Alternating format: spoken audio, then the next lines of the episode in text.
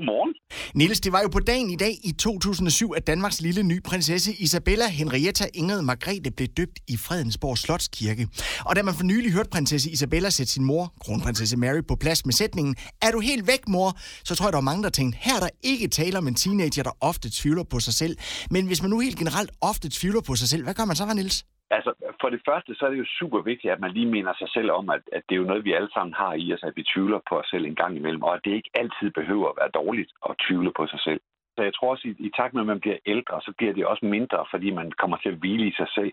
Og jeg vil godt lige starte med at sige, at hvis man har sådan kronisk lavt selvværd og, og tvivler meget på sig selv, så skal man jo selvfølgelig søge professionel hjælp, fordi det kan man ikke selv løse, og det kan blive en alvorlig ting. Mm. Men for alle os andre, som bare er helt almindelige og oplever det en gang imellem, så er det for det første vigtigt at huske på, at det er normalt, og så det her med, at det kan bruges til noget.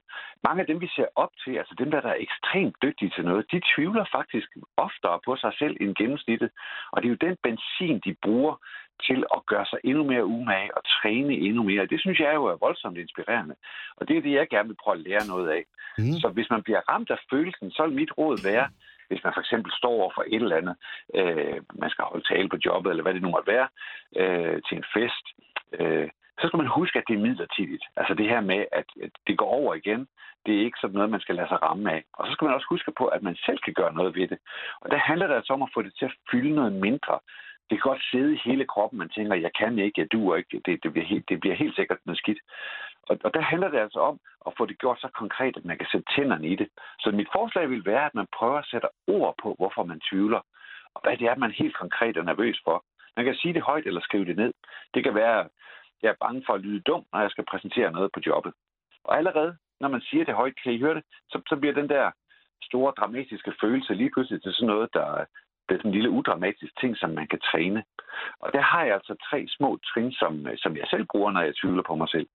Øh, det første det er, at man skal minde sig selv om, at, at man faktisk gerne vil det her selv. At man gør det for sin egen skyld.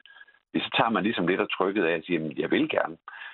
Det næste det er, at man skal tænke over, hvad det værste, der kan ske, det er. Det har I sikkert hørt før. At man, at man siger, jamen, hvad er det aller værste, der kan ske? Hvis det er, at folk måske griner lidt af en.